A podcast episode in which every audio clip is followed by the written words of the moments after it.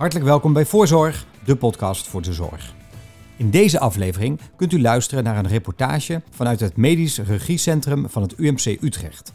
Daar worden acute patiënten 24 uur per dag met behulp van sensoren op afstand gemonitord. Ik was er onlangs te gast en sprak onder meer met directeur Digital Health Herman-Jan van Ree en Martine Breteler, programmamanager continue monitoring in het ziekenhuis. Daar kunt u naar luisteren na deze boodschap.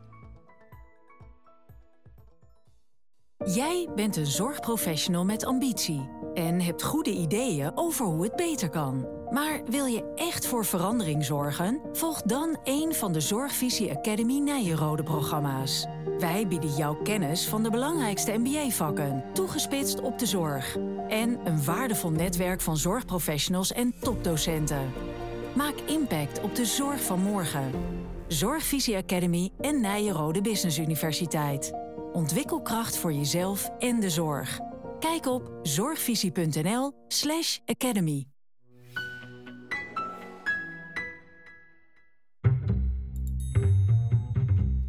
Thuismonitoring, dus sommige ook wel telemonitoring genoemd, is de laatste jaren enorm in opkomst. Vrijwel ieder ziekenhuis in Nederland is bezig om patiënten op afstand in de gaten te houden en te begeleiden.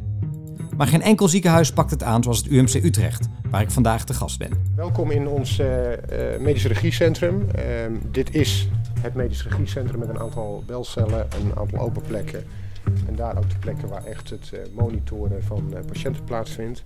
Dit is Herman Jan van Ree, directeur Digital Health van het UMC Utrecht. Hij is strategisch verantwoordelijk voor het medisch regiecentrum. Hij laat me een ruimte zien in het ziekenhuis die me wat doet denken aan de callcenters waar ik vroeger als student wel heb gewerkt. Een niet al te spannende ruimte vol computers en beeldschermen. Maar hier worden natuurlijk geen telefoonabonnementen verkocht, zoals ik vroeger als bijbaantje deed. Uh, wat hier centraal staat is het verplaatsen, het vervangen en uiteindelijk uh, idealiter ook het voorkomen van uh, zorg. wat we hier leveren zijn digitale zorgdiensten. Ehm, dat doen we om patiënten in de eigen leefomgeving te ondersteunen, te behandelen en ook te monitoren. En dat doen wij 24/7. Dus we zijn 24 eh, uur, 7 dagen in de week operationeel en bereikbaar. En tot nu toe hebben we hier eh, duizenden mensen eh, bediend. Um, nou, wat kunnen we er nog meer over vertellen, Martine? Dat het medisch regiecentrum van het UMC Utrecht 24 uur per dag doorwerkt, is behoorlijk bijzonder. De meeste ziekenhuizen houden kantooruren aan voor deze diensten en zijn in het weekend maar beperkt beschikbaar.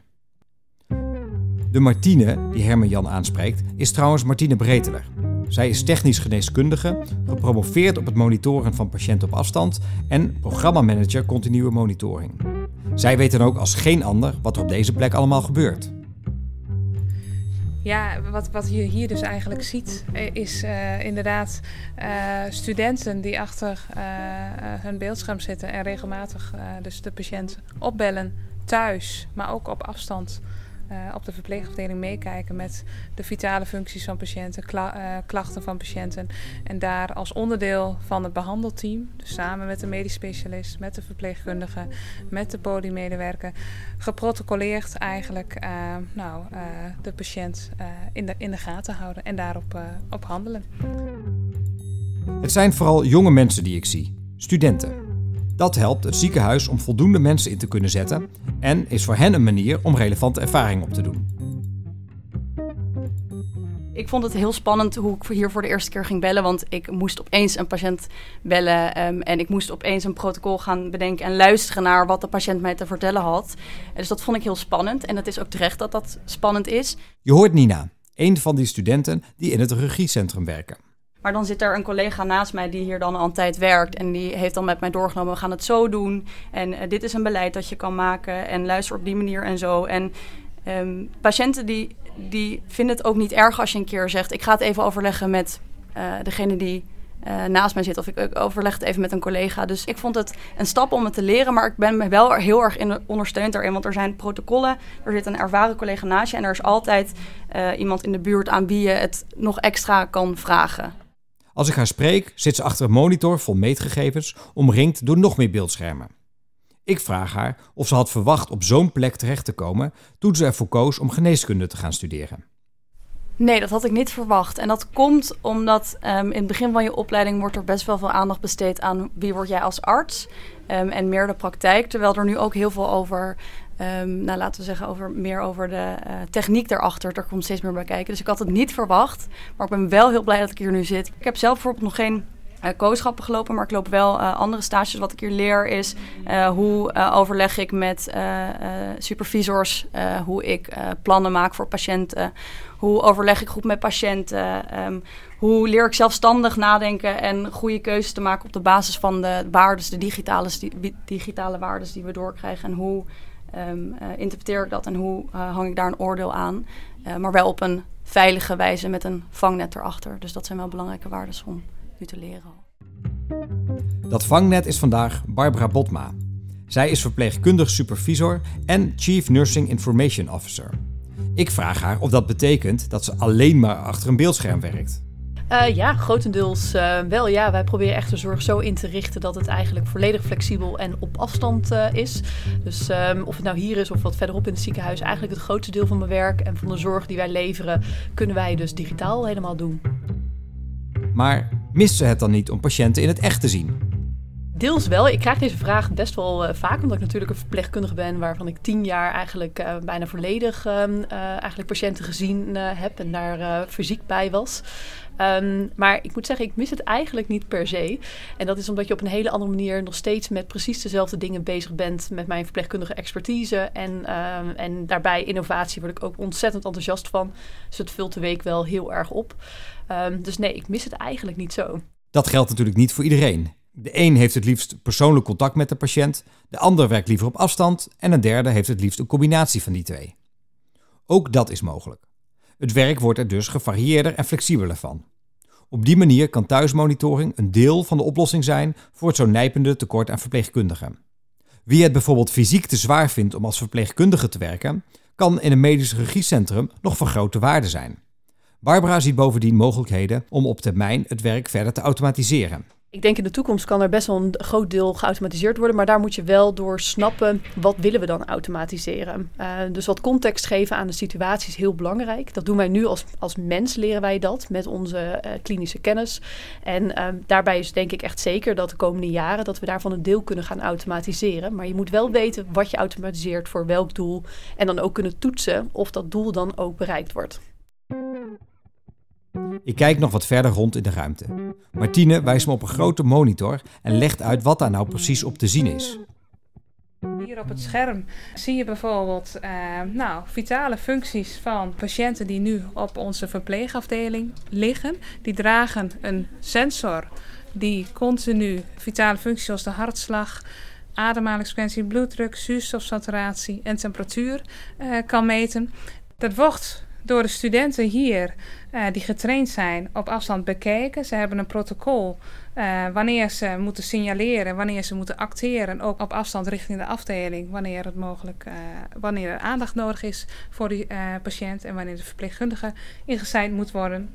En dit gebruiken we ook om naar de thuissituatie 24 uur 7 patiënten goed thuis te kunnen monitoren. Dus dit is echt een uh, hele uh, mooie uh, start om ehm, nou ja, acute patiënten uiteindelijk ook in de thuissituatie veilig en effectief te kunnen behandelen.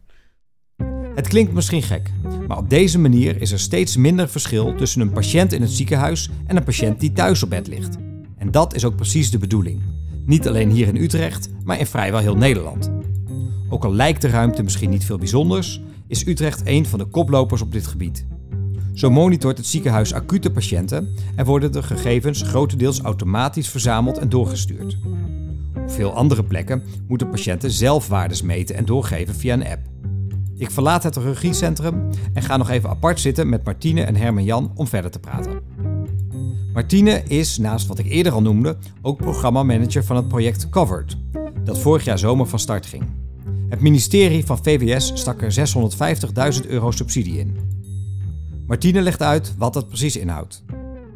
Het is een nieuw traject uh, in dit ziekenhuis waarbij wij als doel hebben om een uh, proof of principle, een proefimplementatie te organiseren om 24 uur 7 acuut zieke patiënten ook in de thuissituatie te monitoren op afstand vanuit ons ziekenhuis.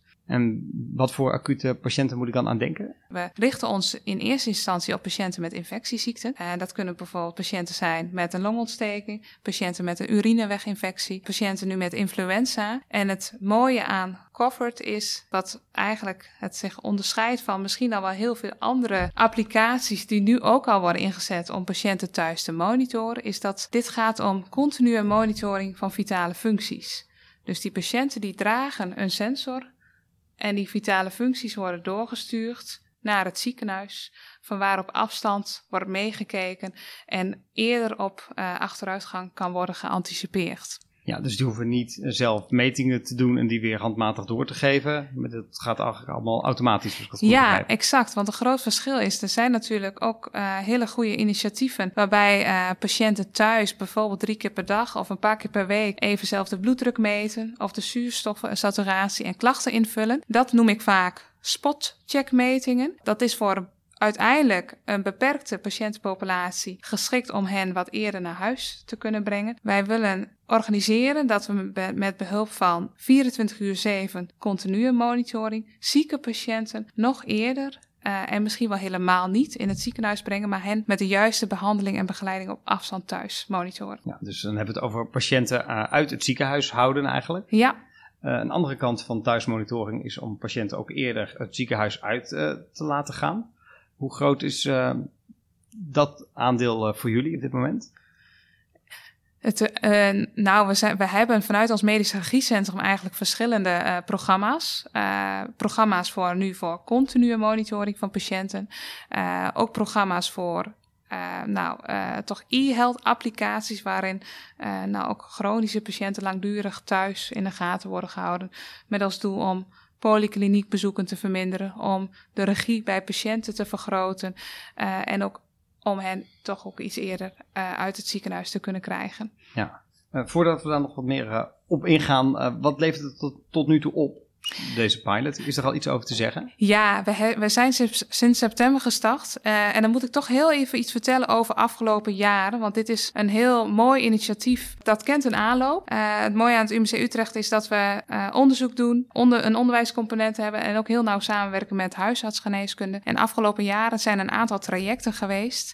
we hebben een Europees onderzoekstraject genaamd Nightingale samen met vier andere academische ziekenhuizen opgezet, waarin we de industrie hebben gevraagd om voor ons een sensoroplossing te ontwikkelen om continu vitale functies te kunnen monitoren. Daarnaast hebben we met het Medisch Regiecentrum afgelopen jaren in de COVID-tijd heel veel kennis opgedaan hoe we patiënten thuis kunnen monitoren. We hebben tegelijkertijd ook op uh, de COVID-cohortafdeling uh, continue monitoring met een slimme pleister ingezet om achteruitgang van COVID-patiënten eerder te kunnen herkennen. En met trajecten zoals uh, COVID Therapy at Home. Dat is een initiatief om uh, zieke patiënten, COVID-patiënten in dit geval in de thuissituatie te houden. Al die kennis hebben we gecombineerd in, uh, in Covered en hebben gezegd van nou, we zien hier mogelijkheden om juist die acuut zieke patiënten nog veel beter te begeleiden en continu te monitoren en hen ook zo thuis te houden. En ik denk dat dat de kracht is van een, uh, ja, het UMC Utrecht als academisch ziekenhuis, dat wij in staat zijn om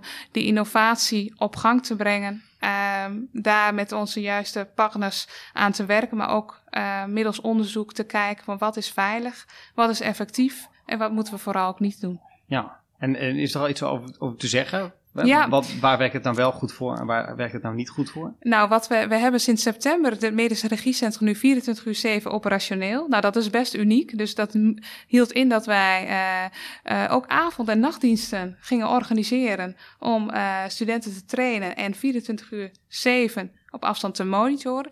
En we hebben nu een implementatie op de afdeling interne geneeskunde van uh, de continue monitoring. En dat houdt in dat we daar nu inmiddels zo'n 150 patiënten op afstand van het medisch regiecentrum hebben gemonitord. En wat we daarin vooral al hebben geleerd is, er komt ongelooflijk veel data uh, binnen. Er komen ook heel veel signalen binnen waarbij je uh, eigenlijk eerder uh, achteruitgang van de patiënt aan ziet komen, waarop je kunt handelen. En er zijn ook al best wel een aantal situaties waarin het medisch regiecentrum eerder heeft gezien dat of een patiënt een ritmestoornis ontwikkelt, een patiënt die toch een flinke koortspiek over de nacht ontwikkelt, waarbij dus eerder een bloedkweek kan worden afgenomen, antibiotica kan worden ingezet komt ook heel veel data binnen. Of soms komt data ook helemaal niet binnen. Dat gaat technisch ook echt niet meteen allemaal van een lei en dakje. Waarbij we nu die protocollen en die, die, die leerelementen pakken van... hé, hey, maar als we dit nou in die thuissituatie hebben... hoe moeten we dan handelen bij die patiënt? En wanneer gaan we dan acteren? Je zet van de, levert ook een enorme datastroom op. Wat kunnen we daar uiteindelijk mee? Uh, nou, wat we zien is zeker bij continue monitoring dat daar heel veel data uh, achter vrijkomt en dat dat continue data is. Vroeger werd een patiënt uh, op de zaal of op de afdeling twee, drie keer per dag werden daar opnames gedaan en werd dat uh,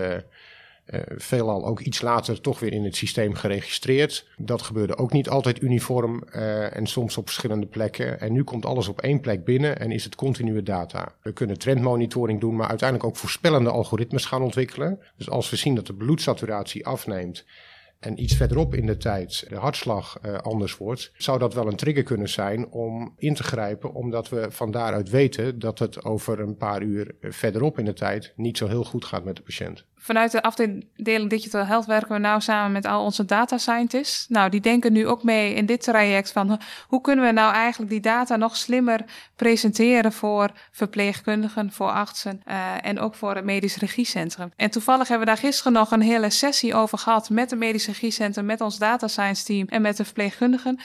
Want al die data komt op ons af. En we kunnen daar wel zomaar slimme algoritmen op gaan zetten. Maar hoe zorgen we nou dat die verpleegkundige of dat zo iemand uit het medische regiecentrum meteen begrijpt wat er aan de hand is? En daarvoor wil je niet alleen maar uh, simpele meldingen op alleen uh, één vitale parameter. Maar je wilt eigenlijk in één oogopslag de hulp van hier is iets aan de hand, hier moet ik naar kijken. En dat is best wel ingewikkeld. We denken dat we meteen met al die data veel betere beslissingen kunnen nemen. Maar eigenlijk is dat, uh, is dat ook nog wel een onbekend gebied. En met behulp van het data science team zijn we nu aan het kijken van hoe kunnen we ervoor zorgen dat verpleegkundigen en het medische regiecentrum in een split second eigenlijk begrijpen wat er met die patiënt uh, aan de hand is. En daar zijn zij nu uh, modellen voor aan het ontwikkelen om met algoritmen ons daarbij te ondersteunen. Nou is COVID natuurlijk één van de projecten van het medisch regiecentrum.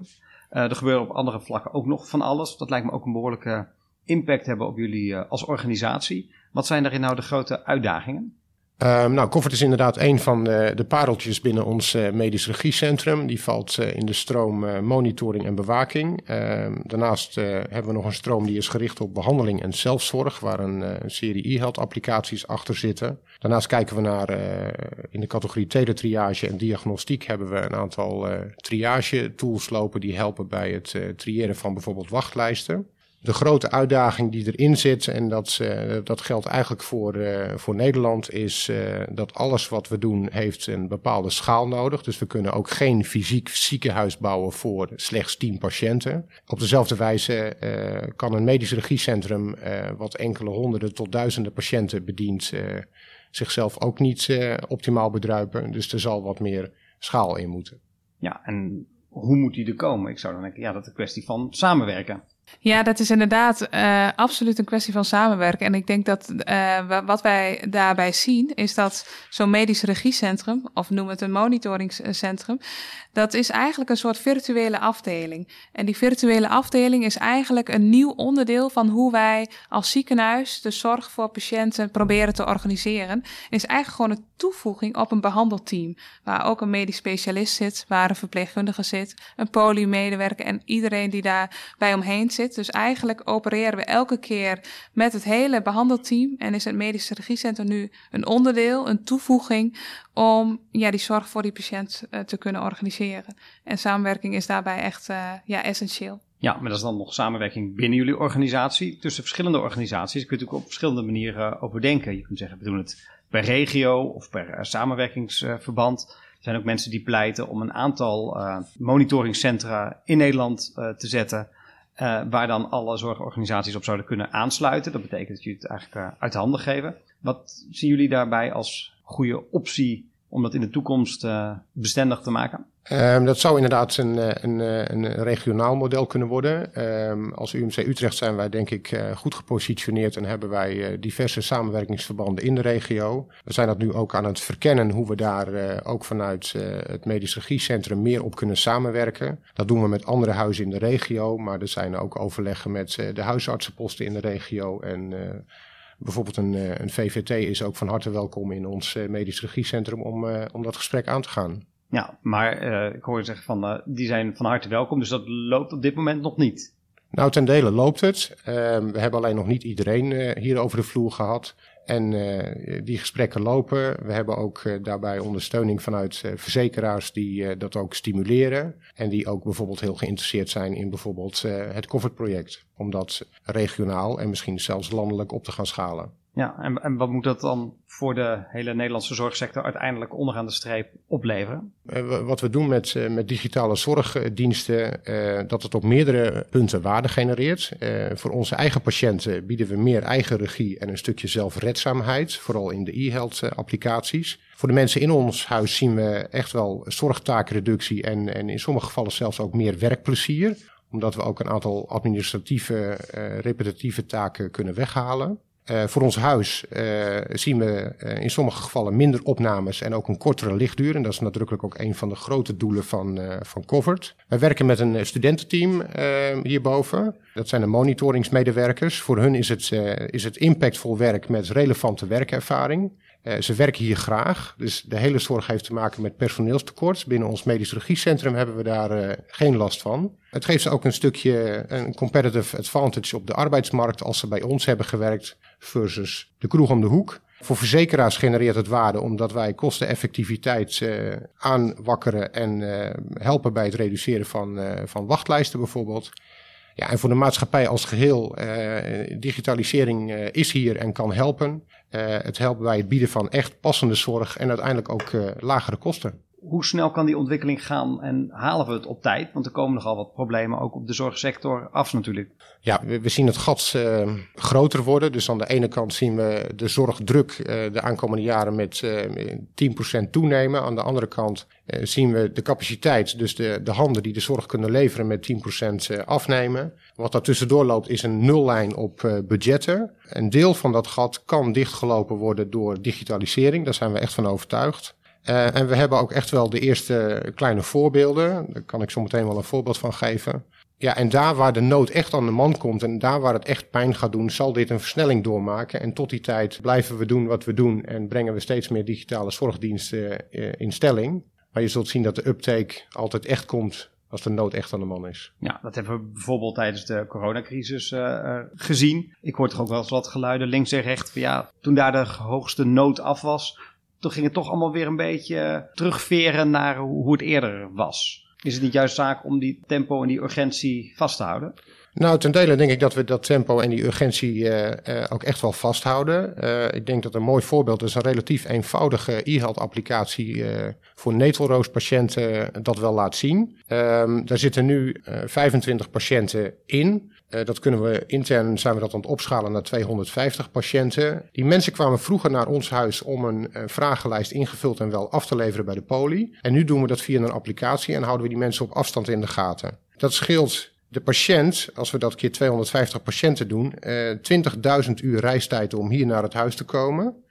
Zo'n 200.000 euro aan reiskosten, inclusief parkeerkosten. Uh, voor het milieu is het ook goed, want het scheelt 100 ton CO2 voor die 250 patiënten. Aan onze kant scheelt het uh, in de werkdruk, omdat we 2,5 FTE kunnen vrijspelen in de vorm van een verpleegkundige en een medisch specialist. En het is niet zo dat die mensen daarna niks meer te doen hebben, want de zorgdruk neemt toe, dus die kunnen andere patiënten afvangen. En onder de streep laat zo'n relatief eenvoudige applicatie met een, met een vragenlijst polyklinisch zien eh, dat we iets kunnen doen wat goed is voor de patiënt, maar ook voor ons personeel, ook voor de portemonnee en ook voor de planeet. Dat klinkt ook allemaal heel erg, uh, heel erg mooi. Wat is voor jullie uiteindelijk de, de ideale situatie voor, laten we zeggen, over, over tien jaar? Wat is dan de stip op de horizon voor uh, jullie als uh, academisch ziekenhuis? Hoe moet dat eruit zien? Nou, ik denk dat we nu in een fase zitten waarin we echt heel veel aan het leren zijn, aan het ook wel soms echt experimenteren van hoe kunnen we nou die druk op de zorg en dan ook echt bijvoorbeeld het tekort aan verpleegkundigen, de uitstroom van verpleegkundigen, wat ook best hoog is, uh, en de medisch specialist, hoe kunnen we dat nou eigenlijk ook faciliteren met dit soort digitale oplossingen? En ik wil daarmee zeker niet pretenderen dat uh, nou, monitoring op afstand het uh, middel is om al die problemen te verhelpen. Dat denk ik zeker niet. Maar het zou wel een onderdeel kunnen zijn om de, de zorg op een aangenamere manier voor verpleegkundigen, voor artsen, maar ook voor patiënten uh, in te kunnen zetten. En wat hebben jullie nou nog nodig om dat optimaal gestalte te kunnen geven?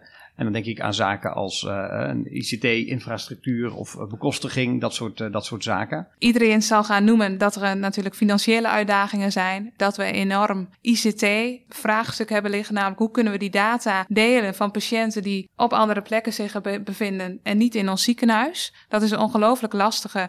Daarvan weten we ook dat we dat niet volgend jaar al, al hebben opgelost. En daardoor is denk ik zo'n innovatiekracht van zo'n academisch ziekenhuis als het UMC Utrecht een hele mooie om wel uh, al voor te sorteren op de toekomst door met die nieuwe technologie, met zo'n monitoringcentrum, met uh, huisartsgeneeskunde, met de toekomstige artsen en toekomstige verpleegkundigen, dus nu nog onze studenten, om die, die zorg samen te, te ontwikkelen. En daar mag wat mij betreft uh, misschien ook al wel in, in onderwijs um, ook al wel meer echt in samengewerkt worden. Ja, dus dat we ook echt de uh, zorgprofessionals van de toekomst opleiden met ook de technologie van de toekomst. Zeg ja. dat goed? Jazeker.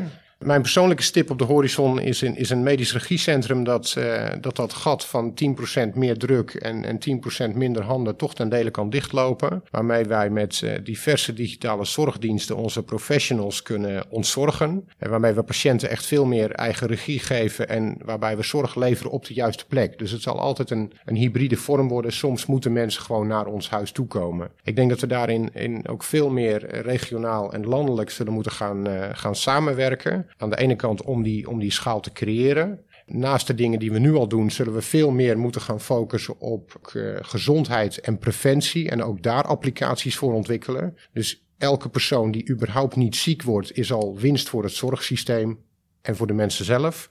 Um, ik zou het mooi vinden dat we de, de context waarin ons huis opereert kunnen vasthouden. Dus dat we dat uh, ook voeden met uh, een studentenpopulatie die hier opgeleid wordt en, en training krijgt. En, en er als een goede digitaal, digital savvy zorgprofessional uitkomt. En dat we het ook echt doorkoppelen naar onderzoek, zodat we niet alleen fundamenteel wetenschappelijk onderzoek kunnen doen, maar ook uh, klinisch toegepast uh, elke dag weer een beetje beter worden. Maar als die zorg steeds uh, digitaler wordt, hoe zorgen jullie er dan voor dat patiënten die daar misschien niet meer uit de voeten kunnen, toch aan kunnen haken en daar ook gebruik van kunnen maken? Je zult altijd een hybride uh, variant moeten leveren. Uh, aan de andere kant zul je je verbazen over hoe digital savvy ook de, de, de generaties zijn of de populaties zijn waarvan je het in eerste instantie niet zou verwachten. Dus een goede bekende van mij was onlangs uh, hier ook opgenomen in ons UMC Utrecht. En die, die vroeg toch nadrukkelijk of wij konden opschieten met COVID. Want deze persoon vond dat hij eigenlijk wel naar huis kon en toch hier nog gehouden werd.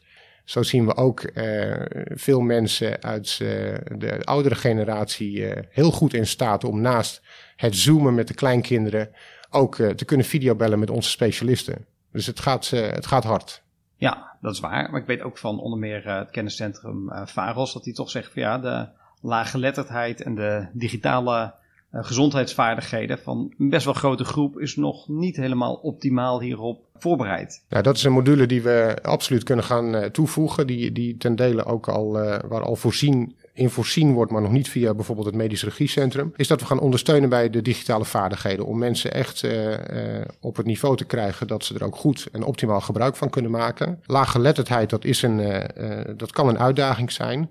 Maar ook daarin kan digitalisering bijdragen door bijvoorbeeld virtual reality toe te passen of met hologrammen te werken. Of niet alles in tekst te zetten, maar misschien wel in icoontjes te vangen. Ja, ik denk dat daarbij inderdaad nog heel veel processen echt een stuk simpeler voor patiënten kunnen worden gemaakt om het echt goed te begrijpen. Maar ik denk wat daarbij ook belangrijk is, en dat hebben we ook gezien in het medische regiecentrum afgelopen jaar, is de juiste begeleiding van de patiënt. Dus misschien dat de patiënt niet altijd alles meteen begrijpt en daardoor is even contact zij het telefonisch of op een andere manier face-to-face met de patiënt, dat is essentieel om zoiets te laten werken. Uh, we hebben daardoor eigenlijk bij de start van het medisch regiecentrum al meteen gezegd: het gaat niet alleen maar om monitoring op afstand van vitale functies van klachten. Context is daarbij essentieel, dus we hebben eerst een soort nou, noem het misschien even een, een soort uh, intake met die patiënt. Van hoe gaat het met u en hoe kunnen wij u zo goed mogelijk helpen? Dus dat die overgang voor die patiënt ook begrijpelijk is. En dat die patiënt ook zich gehoord gevoeld, vragen kan stellen. En misschien de app die die op dat moment niet helemaal begrijpt, ook gewoon wel op een juiste manier kan, uh, kan inzetten. Tegen het einde van het gesprek vraag ik wat de volgende stappen zijn vanuit het ziekenhuis voor de korte termijn als het gaat om covered. We zitten nu in een situatie dat we sinds september de, een, eigenlijk een soort veilige omgeving nu hebben gecreëerd om 24 uur 7 patiënten in ons ziekenhuis te monitoren. Nu zijn we bezig met de voorbereiding ook voor die patiënten thuis. Dus in het voorjaar uh, verwachten we de eerste patiënten thuis te monitoren. Dat zullen niet meteen al de allerziekste patiënten zijn, want we moeten ook natuurlijk uh, uh, middels onderzoek zicht hebben van nou, voor welke patiënten kunnen we dit goed doen. Dus ik verwacht dat dit ja, komende maanden en ook komend jaar uh, een traject is wat we steeds verder met onze partners, ook in de regio, gaan, uh, gaan opzetten. Nou, ik denk dat we heel goed gaan op het gebied van, uh, van e-health, maar dat we uh, meer en sneller willen. Dat we met telemonitoring uh, het goede pad zijn ingeslagen, maar dat we willen schalen en verbreden. Teletriage, dat kunnen we volgens mij echt veel breder inzetten. En ons medisch regiecentrum willen we natuurlijk laten groeien en bloeien en tot volle glorie brengen. Ehm, intern sluiten we aan op een aantal programma's zoals Ruimte voor de Juiste Zorg en de Zorg voor Morgen. Waarbij we ook echt divisies en afdelingen willen inspireren en mobiliseren in het omarmen van e-health en uh, telemonitoring en teletriage. Daarnaast zijn we in de regio gesprekken aan het voeren met uh, ziekenhuizen, maar bijvoorbeeld ook huisartsenposten om te kijken waar we kunnen samenwerken. Nou, en op het landelijk toneel uh, ligt het Integraal Zorgakkoord voor ons. Daar staan heel veel aanknopingspunten in ten opzichte van wat wij doen. En wellicht kunnen we daar de gesprekken continueren met andere UMC's om te kijken hoe we onze kennis en onze kunde kunnen bundelen om uh, van de MRC's echt een uh, succes te maken. Tot slot, als er nou mensen van andere ziekenhuizen hiernaar luisteren en denken van goh, hier willen we eigenlijk ook uh, meer in investeren. Wat is dan het beste advies wat jullie kunnen meegeven? Eigenlijk twee dingen. Wacht niet, maar start met experimenteren en ga aan de slag. Uh, want ook al is misschien de technologie nog niet perfect zoals je dat zou willen, als we wachten, dan lopen we echt achter de troepen aan. En neem ook vooral contact op, want we kunnen van elkaar leren. Wij, wij willen leren van andere ziekenhuizen, andere ziekenhuizen kunnen van ons leren. En daarin kunnen we nog veel uh, meer uh, delen. Nou ja, aanvullend daarop, onze deur staat open en andere huizen zijn hartstikke welkom om bij ons te komen kijken waar wij staan en hoe wij daar zijn gekomen. Heel erg bedankt voor jullie tijd en uitleg. En heel veel succes hier verder ook nog met alle mooie projecten. Dankjewel. En graag gedaan. En daarmee komt een eind aan deze aflevering. De presentatie en montage werd gedaan door mijzelf en mijn naam is Sietse Wilman. Uiteraard gaat onze dank uit naar het UMC Utrecht en naar u als luisteraar. Wilt u vaker deze podcast horen? Dan kunt u zich abonneren via de app van uw keuze. U blijft dan automatisch op de hoogte van nieuwe afleveringen. Voor nu, hartelijk dank voor het luisteren en heel graag tot de volgende voorzorg.